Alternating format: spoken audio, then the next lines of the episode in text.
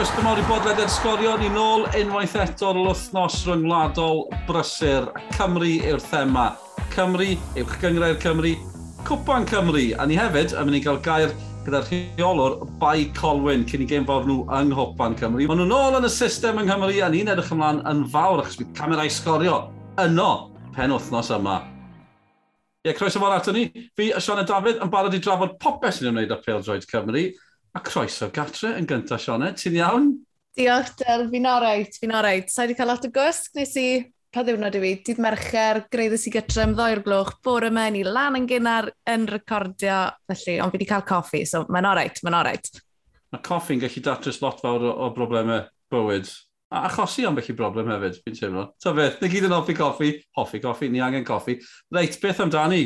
Pedwar pwynt o'r ddwy gêm. O'n i'n gweud o diwedd sgorio e, ar ôl y gêm yn Estonia. Ni'n creaduriad rhyfedd y gefnogwyr Peldrod yn mwynhau y gêm gyfartal yn ymwneud Uned Siec yn fwy na'r fuddugoliaeth yn Estonia. Be sy'n bod yn o'n i gwed?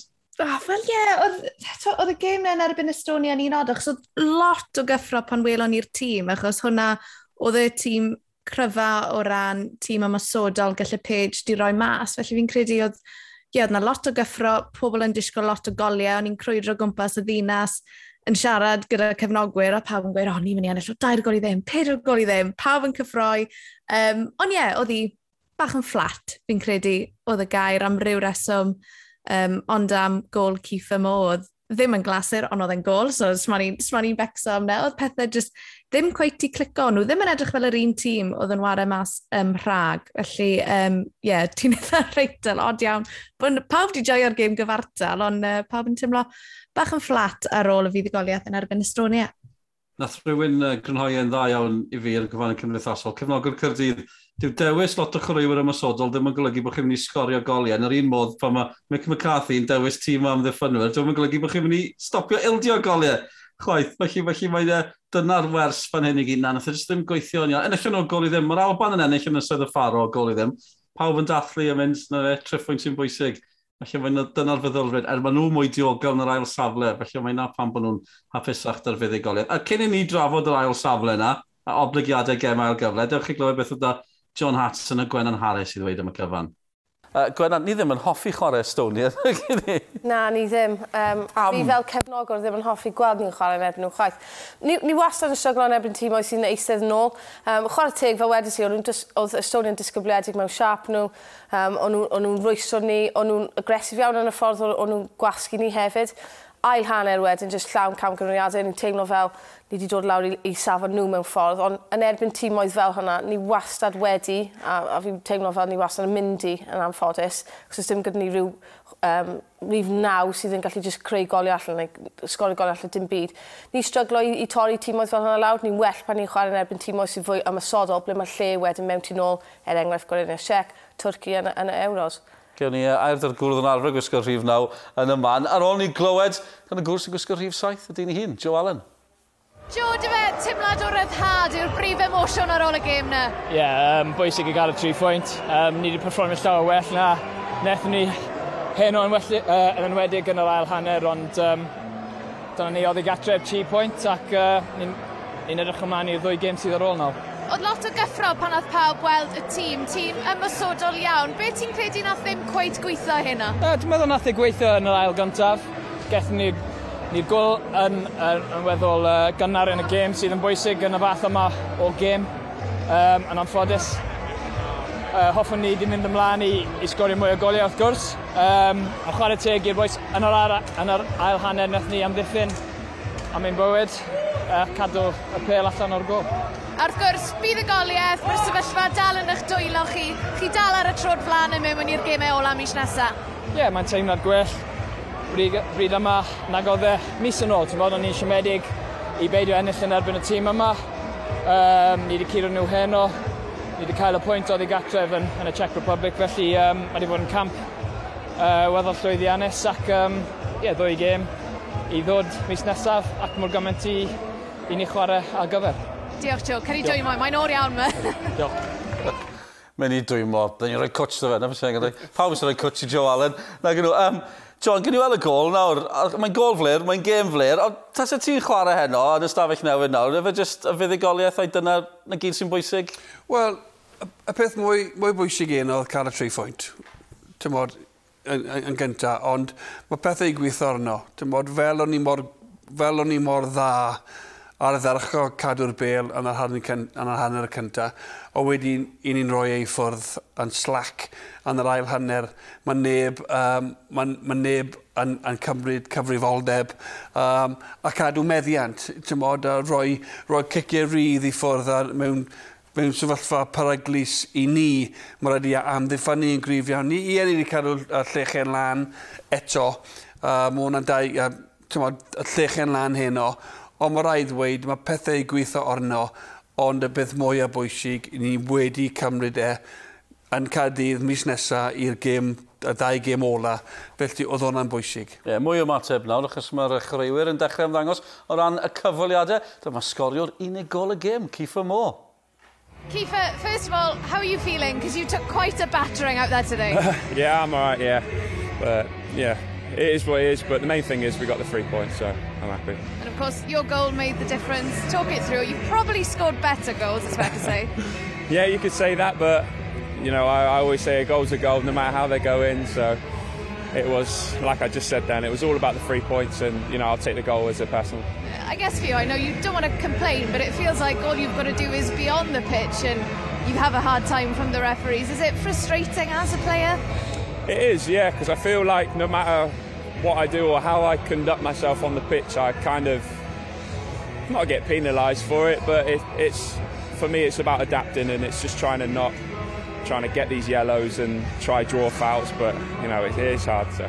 And on the positive side of things, things are very, still very much in your own hands going into the last two games now. Yeah, definitely. It's all in our own hands. So we've got two big games left, and you know we'll leave it all out on the pitch and see what happens. Keep it, diolch yn fawr. Thank you.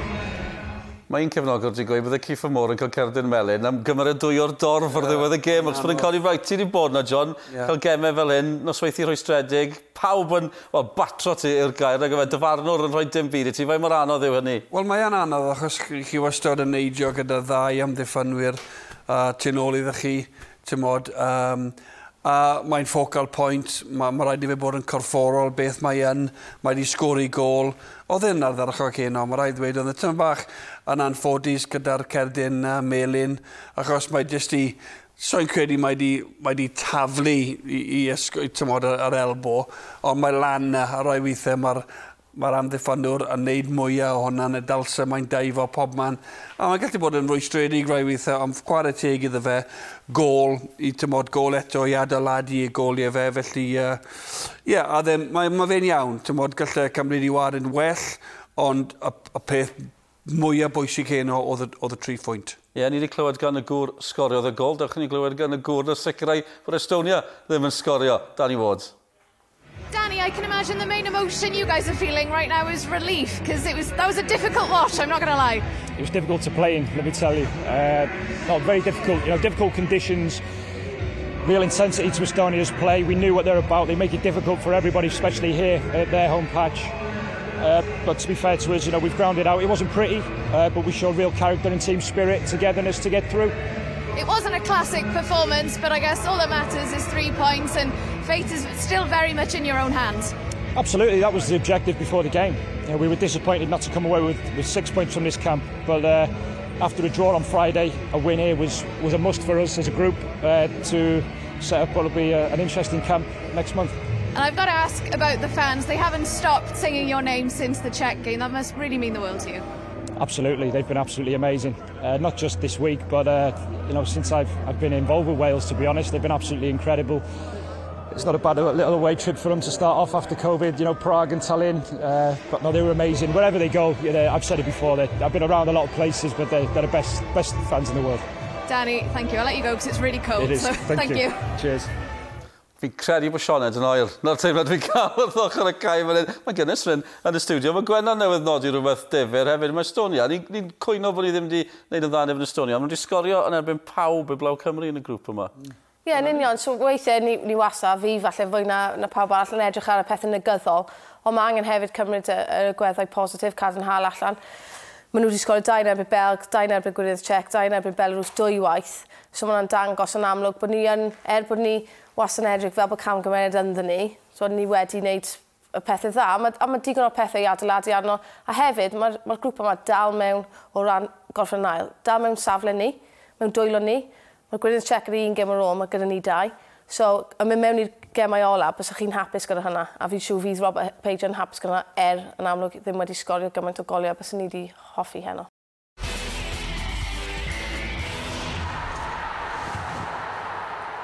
Felly dyna ni, a fi'n syni, Sean mae lot o bobl fi'n siarad â'n gweud, gallwn ni cael gêm gyfartal yn ebyn Gwlad Belg, na ni ennill yn ebyn Belarus, falle gewn ni dro yn ebyn Gwlad Belg wow, un o'n cofio fe mor dda o Glad Belg. Fi'n credu beth sy'n bwysig i gofio yw bod unrhyw beth yn gallu digwydd. Beth sy'n ddiddorol yw bod chwaraewyr gwlad Belg wedi bod yn siarad yn y wasg wythnos yma. Just pam, faint maen nhw wedi blino, achos maen nhw wedi wario sugar mint o gêm, Cwtwa'n dod mas yn gweud na gyd mae UEFA yn becs amdano yw arian, na gyd maen nhw'n moyn neud yw wario gêmau. So, fi'n gallu gweld o bosib, os mae Belg yn saff, maen nhw wedi wneud y jobyn, o bosib bod nhw'n mynd i roi tîm, wel, nid i, nid i un ar ddeg gorau mas, um, ond pwy a oer be all digwydd. Mae dal, mae lot fawr o waith i wneud y Cymru. Fi'n credu dal mae'r gêm ddi sgôr na rhwng ni a Estonia nôl yng Nghyrdydd. Hwna dal yn tymlo fel y cyfle wnaethon ni golli um, a o bosib byddai'r pethau'n edrych lot, lot um, yn fwy cadarnhaol, so ni wedi ennill y gêm na. Nathon ni wel ar Twitter bore yma dofedel o ran um, y sefyllfa posib gallai ddigwydd o ran y gemau ail gyfle. Am fras iawn, gwledydd si o bosib yn mynd i fod yn warau gytra yw Glad Pwyl, Serbia, y Swister, Sbaen, Croatia oh, oh. a'r oh, oh. Alban. O, ni ddim eisiau nhw chwaith.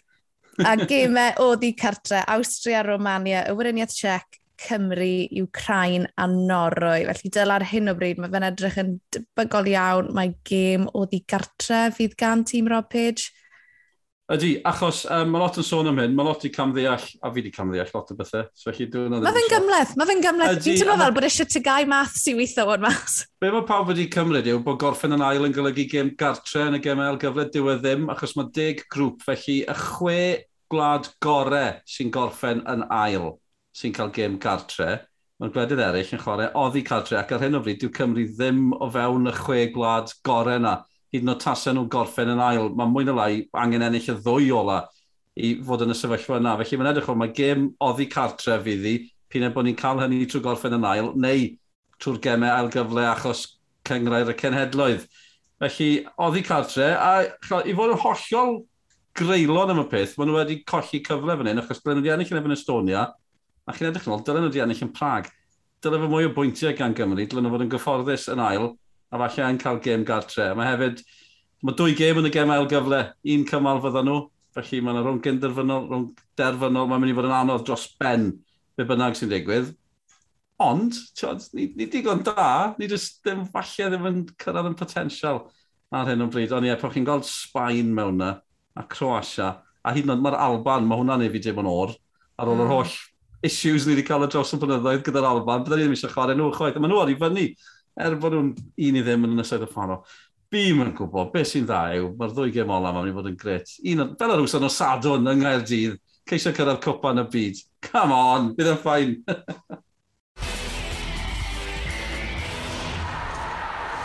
yng nghanol popeth, mae'n wedi bod yn brysur iawn yn uwch gyngrau'r Cymru. Y cyfnod rhyngwladol ddim yn golygu toriad Felly ni wedi cael gemer y penwthnos Sioned, gemer canol wythnos, a gymaint i digwydd, a mewn deg munud ganol wythnos, fi'n credu falle bod tynged y gyngred wedi newid, achos gyda deg munud i fynd ar neuodd y parc, oedd y balan ennill o gol i ddim yn erbyn y seintiau newydd, ond mae'r seintiau yn ennill o ddwy gol i un. Os chi ddim wedi gweld gol gyntaf Ryan Brobl, cewch i wylio i ar gwefannau cymdeithasol sgorio. Mae'n symudiad hyfryd, gornel ucha, seintiau nôl ar ei gorau, ond yn sydyn Sean Edwin yw saith pwynt yn glir. Wel, gallai pethau di edrych yn wahanol, wahanol iawn, Sir Bala. Wel, fe wedys di, oedd y canlyniad yna i weld bod e wedi sicrhau bron sefyllfa'r gyngrair a buddigoliaeth enfawr enfawr i'r seintiau newydd a wrth gwrs Anthony Limbrick mewn hwyliau da ar ôl y gêm a gaethon ni air fach to fe. Yeah, I mean, look, it was exciting at the end there. I think we pushed to the end. Credit to the players. I mean, they just absolutely never gave up. One, one thing I would say is I thought Bala deserved something, if not the win in the game. I thought they were outstanding. I thought first half we really struggled to get close to them. They did a proper job on us tactically. I thought physically they were good.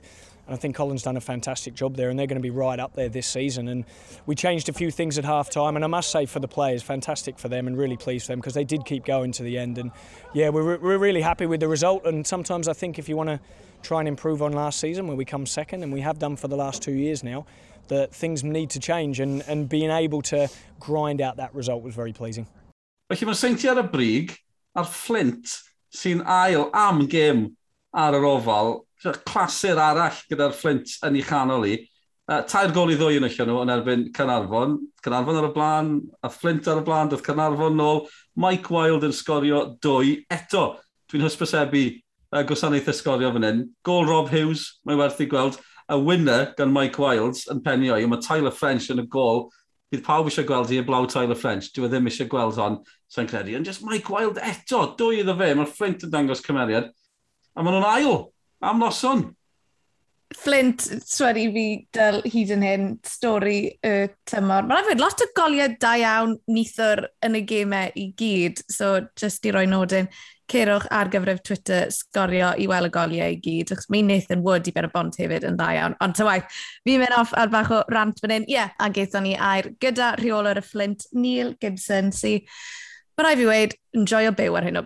We knew the importance of tonight's game, just just in terms of the closeness of the two teams in the league. You know, Carnarvon in great form, on a great run. Um, you know, we knew that you know a result tonight would put us in good stead in the league table. Uh, the, the plan was to manage the game and to control it in, in possession of the ball uh, and try and stop their counter attacks. We didn't do it. Uh, you know, their goal comes, you know, exactly what we'd want to guard ourselves against, and then you're 1 0 behind. And it's important you show patience and stick to the game plan to uh, to try and you know wear the team down. And I felt that we did that, and the goals obviously came at, at key moments for us. And then when we get our, ourselves 2 1 up, you think you've done the job. Um, and then they ask further questions of us by coming back to 2-2 and then what sort of resilience can our group show uh, and we've worked on it a lot you know over the summer about building some resilience and a spirit into the group and not knowing when we're beaten and going until the last minute and uh, I think that has showed in our results and obviously we've come back there to win a game of football and find a way.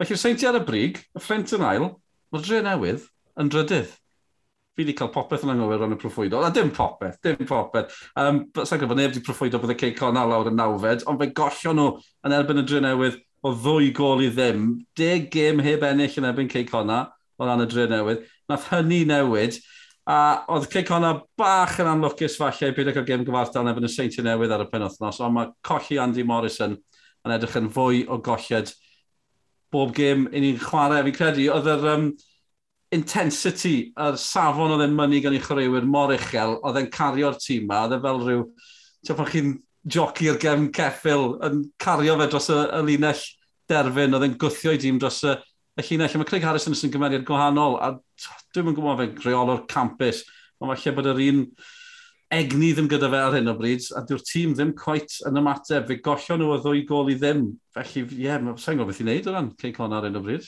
Na, mae jyst i'r tymlad fod i am fod yn, yn dymor hir i Craig Harrison ac, ac i Gay Connor. Mae'n rhaid fi weid, mae'r ma tre newydd i fi fel sy'n nhw wedi mynd o dan y reda braidd, achos o'n i'n edrych bod yma ar y tabl, o'n i'n meddwl, gosh, mae'r tre newydd yn, yn drydydd. So Chris Hughes, so, geithon nhw'r um, llwyddiant yna yn y gêm ail gyfle tymor diwetha. Geithon nhw ddim tymor gret tymor diwetha o gwbl, nath nhw rili, really, rili really stryglo, ond nhw wedi prynu'n dda, a'n amlwg pethau wedi clico yn bendant tymor un ac ar ôl y gêm.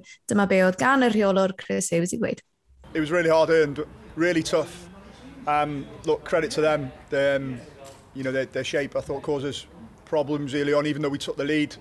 We had to change shape to try and counter that, and I felt we got started to get a little grip of a bit of grip of the game. But what when you come here, you it's not going to be easy. You know, you're not, you don't come away. We've won here since 2015 August, so you know that shows how difficult it's been for us here.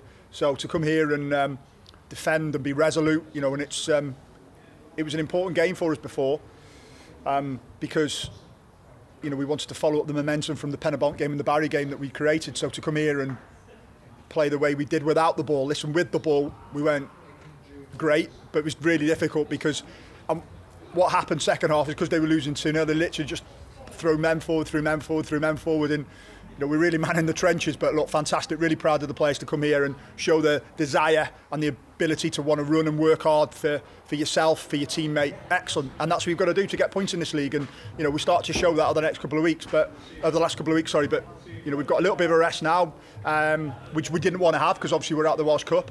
Um, but probably with the way the game went tonight and the energy that the players put into the game, um, we'll, we'll meet up, we'll train this weekend, and then we'll build into the Carnarvon game a week on Saturday.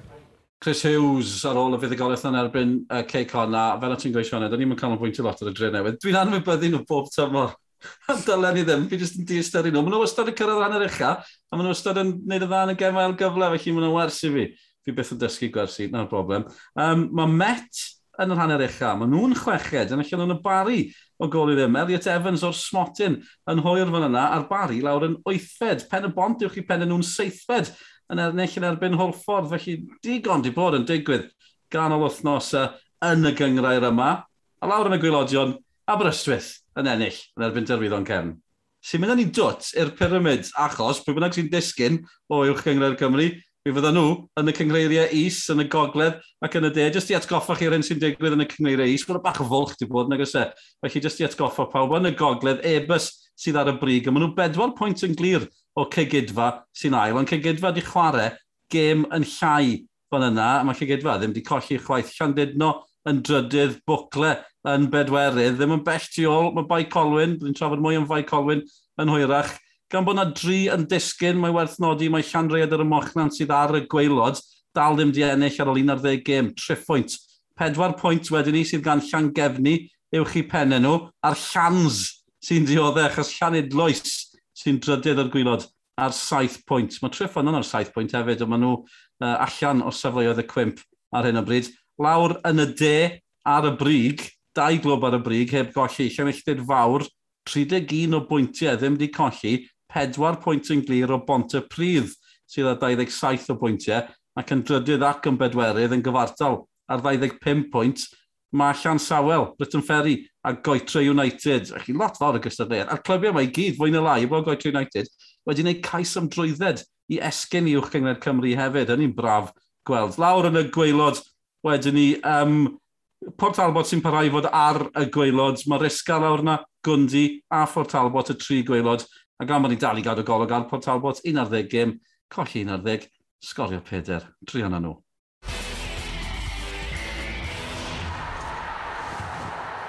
Ond wedi trafod digon beth sydd wedi digwydd, beth sy'n mynd i ddigwydd yw Cwpan Cymru.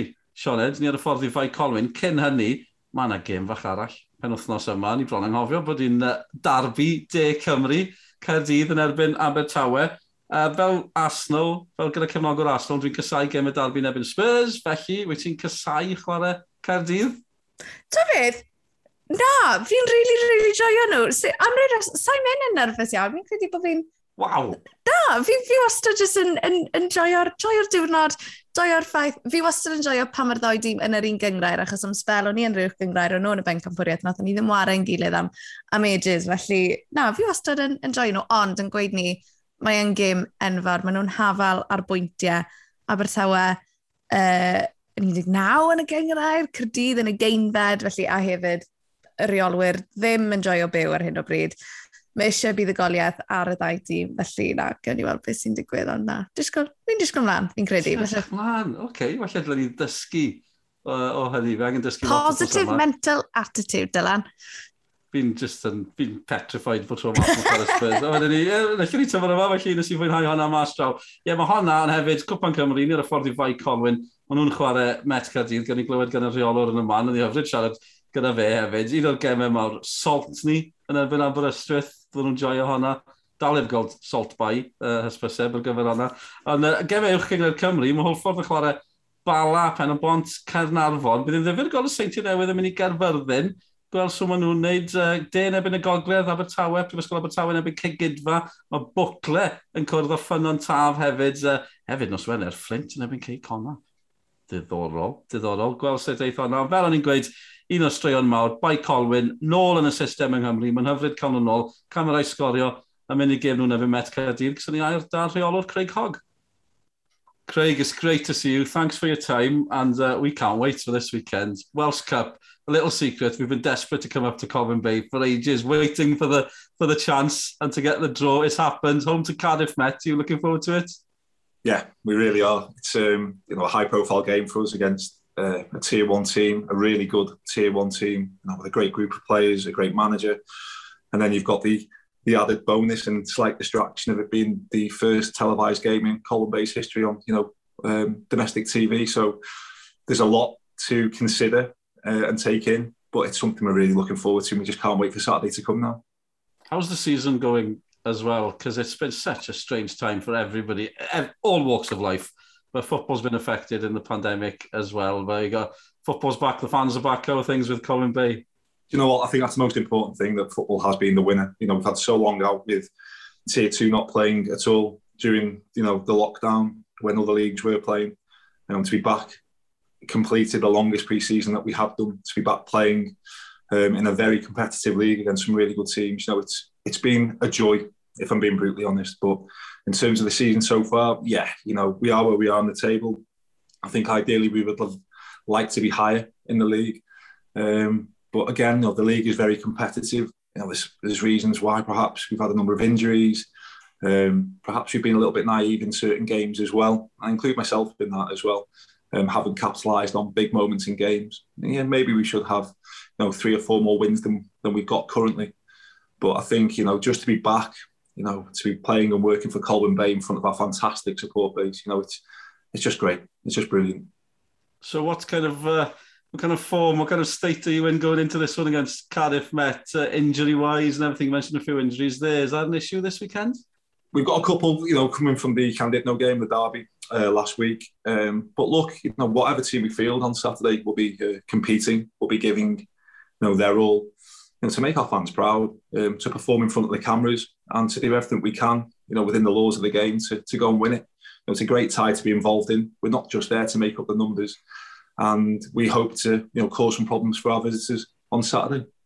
Yeah, you mentioned the Llandudno game. You got strong connections with that club as well. Played for them, been there with the coaching setup. You got a better quiff than Sean Eardley, I've got to tell you. Well, Mr. Early, I think, took a, a, leaf out of my book. I think we're trying to compete on the quiff from the, pair of us now. Sean's a good friend. Um, obviously, he's a former teammate. He's a former colleague on the coaching staff at Llandudno. Um, you know, we, we experienced a lot together when Alan Morgan was the manager there. We were promoted, I think, within three and a half years into the Cymru Premier League. And in our first season, you know, we um, had the success of qualifying for Europe and the game against IFK Gothenburg as well. So we we know what success is, you know, in, in Welsh domestic football to a certain degree. And, you know, my role as manager of Colin Bay is, is to do everything I can to bring that success to this football club too even when he's celebrating a win. Can you cope with that with him? no, but you know, Sean, Sean, I think you know we're different. Um, you know, Sean's had had success this season with Llandudno. He did a good job at Carnarvon as well, and you know he's got his personality. I've got mine. You know, they are different, but at the end of the day, you know, we're both very passionate about the teams that you know we work for, and we care a great deal about our clubs. and we want to be successful. You, you mentioned it earlier with the, that derby as well, but the strength of a, a, tier two, as we like to call it in the Cymru North, there's some strong teams up there. That as it, well, you know the area better than I do. Has it always been a hotbed of football? I think it has. You know, um, I've experiences of playing in the Cymru Premier League, the Welsh Premier League as it was, and for Llandudno in Tier 2 and Llangefni as it happens as well. And, you know, there's never been a great deal between teams, you know, with the exception of Prestatyn in our first season back in in Welsh domestic football. You know, they did run away with the league, but you look at the players now that were part of that squad, the amount of players that are now playing their trade in the Cymru Premier League. You know, they may have been the exception to the rule. This season, Airbus and Guilsfield are very strong. Llandudno are up there, Buckley are up there. Then the teams below it, you know, there's not a great deal. So, yeah, it's a fiercely competitive league. I'd imagine it's the same in the Cymru South as well. Um, and it's just a fantastic level of football to be involved in. You know, it's been reflected in the attendances that we're seeing. You know, um, Colin Bay's attendances been really good this year. They were when we came back to Welsh domestic football, but other clubs as well have seen an increase in attendances as well. So I think there's a real desire and appetite in the north for us Gogs, you know, to enjoy our football, and people really do. What also struck me was how many clubs have applied for that license to get into the Cymru Prem. Lots of years we've had strong teams on the pitch, but maybe things off the pitch weren't there to let them go for promotion, but it seems to be changing. Is that true? I think the attitude towards being part of the, the big league and the big show is, has changed. You know, clubs are more proactive in looking at how they can improve their facilities. Um, there's more coaches now, I think, with A and B licenses in Tier 2 than there ever has been before. And I think, you know, the coach education with the FAW has played a massive part in that as well. Um, Welsh football feels like it's moving really in, in the right direction. It really, really does. The strength of the Cymru Premier, you know, um, that seems to be a really good brand. But Tier 2 North and Tier 2 South, it's rebranded. Um, the product is really good. And I think, you know, yeah, there's a difference in terms of levels with the Cymru Premier League and the Tier 2 structure as well. But you even look at Tier 3 and what's happening down there, the rebranding of that as well. It feels like Welsh football's really moving in, in a really good direction at the moment. And again, you know, for us to be back and part of the system, part of the pyramid now, it's something we're really proud of and really proud of, you know, contributing towards that. Yeah, Colwyn Bay in Welsh football. I never thought it would happen. 30 years ago, it was all kicking off, Craig, when the idea of creating a League of Wales was first mooted. It was now this month, 30 years ago, Alan Evans, uh, well, said it was going to happen. And then, of course, Colin Bay were part of that. Well, the irate eight, as, they, as they've been labelled. I've heard better terms, but there we are. Um, yeah, how did it happen? How did Colin Bay come back? Because it's great to have you back, but it just it seemed to happen quite quickly in the end. It did. You know, I took charge of Colin Bay in September 2018. Um, and to go from September to the January, um, where the club had indicated to the supporters, to shareholders that they were exploring the, the opportunity or the prospect of returning to Welsh football. They had their reasons for it. You know, from a financial point of view, it was becoming unrealistic and unsustainable to remain within the English system. The nature of the travel, the cost, um, the lack of interest commercially with local sponsors and things like that as well, I believe. And then we got to January, it was put to, you know, a meeting and a vote, a decision was finalised. And then we fast forward to, I think it was the end of February 2019, I believe it was. And next thing you know, um, we've been accepted. We're going into tier two, the restructured tier two, as it you know, as, as it was the Cymru North, and it, we just you know, it's been an absolute roller coaster. But you know, to see both sides of the fence in terms of you know, to be the last manager of Colwyn Bay within the English system and the first manager on our return back to Welsh football. I've experienced a great deal. I've seen a lot. Um, and again, I think it's a move that's proved to be really, really positive. It's um, it's so interesting. You know, we, could do a, a two-hour podcast just on the fact that Colwyn Bay have come back into the into the Welsh system. There, I guess there were so many fears, and maybe the fans wouldn't fancy it and all that because you're a club, you've got great support. But um, it's, it seems from the outside that everybody's enjoying it. They are. You know, there's no mistake in that. Attendance to speak for themselves. I think with any change, Dylan, you know, there's always um, resistance to change. There's always uncertainty, and there's always a fear of it. Um, I think people are right to have those fears because the norm for Colwyn Bay was so much time, effort, um, and love invested in, you know, being part of the English pyramid. Times change, and I think you look at now the reaction to firstly people accepting Bay back into the tier, back into Welsh football, how the fans have reacted to that, the support that we've had, you know, has been incredible. I'm very fortunate to be manager of Bay Football Club. You know, I, I, I, that doesn't escape me at all. It's a massive club with a massive fan base, but they turn up week in week out to support their team and support their players. And you know, to now be a high profile team in, in Welsh domestic football is something I think everyone connected to the club, both players, staff, board members, supporters, commercial partners should be you know really really proud of. Yeah, it's interesting you mentioned commercial side of things as well with sponsors and stuff because that's obviously a factor, but well, obviously it doesn't sound like that's that's been an issue either. Well, I think you know my understanding of that is it's not you know it's not my um, neck of the woods in terms of responsibility, but my understanding is is that you know commercially the club is performing well.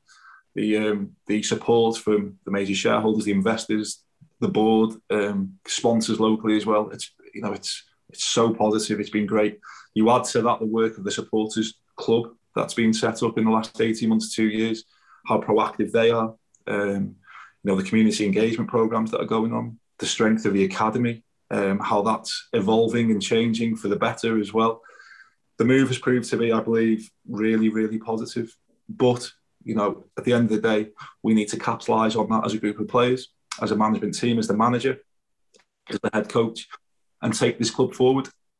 What's interesting, Craig, of course, in, in an ideal world, you'd have all the best clubs in Wales playing in Wales, and I include Cardiff, Swansea, Wrexham, Newport in that as well. Clubs like Merthyr have been like Colwyn Bay, you know, not keen at all. I don't expect you to give anybody any advice or tell them what to do, but again, from what you're saying, do you think maybe uh, more clubs should just look at it as an option? Well, I can't really speak to them for you know other clubs. You know their decision, the decisions they make is if that's their prerogative. Going on our experience of returning, you know, home to, to Welsh football, it's been such a positive experience. The environment is suited. Um, I think for growth of a football club, we're seeing that now. And I think, you know, Murphy's a big club and they've got a big fan base anyway. They'll make the decisions themselves. You know, I'm sure they're responsible and reasonable enough to do that. But speaking from our point of view, we are loving it, we're enjoying it, and we feel like it's the right environment to grow this football club and bring value to not just ourselves but to Welsh football as well. It's great to hear you being so so positive, and, and I think everybody's been just been so happy to see you back. To be honest, because it's everybody wants to see the domestic league grow. What can we expect on Saturday then at Colwyn Bay? Because we can't wait to be there. Is it going to be bouncing? I would imagine so. I understand that the um, you know there's a lot of interest in the game. You know, um, obviously with it being the early kick-off as well, I think you know we might see um, um, a different type of fans there who who would normally come as well. I think more so it's, it's a game that we just want to go on performing. We know we're going to be up against it. A good tier one side, um, as we've discussed before. Um, from our point of view, we're not just going to be there to make up the numbers. You know, it's a big occasion, yes, but it's a game of football that we want to try and win as well. And if we can perform to the levels that I know we're capable of, that I've seen, um, then I think Cardiff, you know, they'll be in for a game and the view is on on S4C on Scorio, which should be a, in for an entertaining match for sure. Brilliant. That's one way to sell the show. Thanks very much for your time. It's, it's just great to, as I've said a few times, great to have Colwyn Bay back in the system. We can't wait to do a live game and uh, looking forward to it. I'll have to up my uh, quiff game because Sean Eardley always gives me stick. You, have taken it to a new level. We'll see you on Saturday, Craig. The Dylan. Thank you. Diolch yn fawr. Wel, poblwc i Greg Hog ar gêm yna'n fyw ar sgorio y gyntaf gwarter i un, ond i ni'n mynd i fod ar yr air am hanner awr wedi diddeg, felly bwys ymlaen i gael eich cwmni chi di sadwn ar Espororec.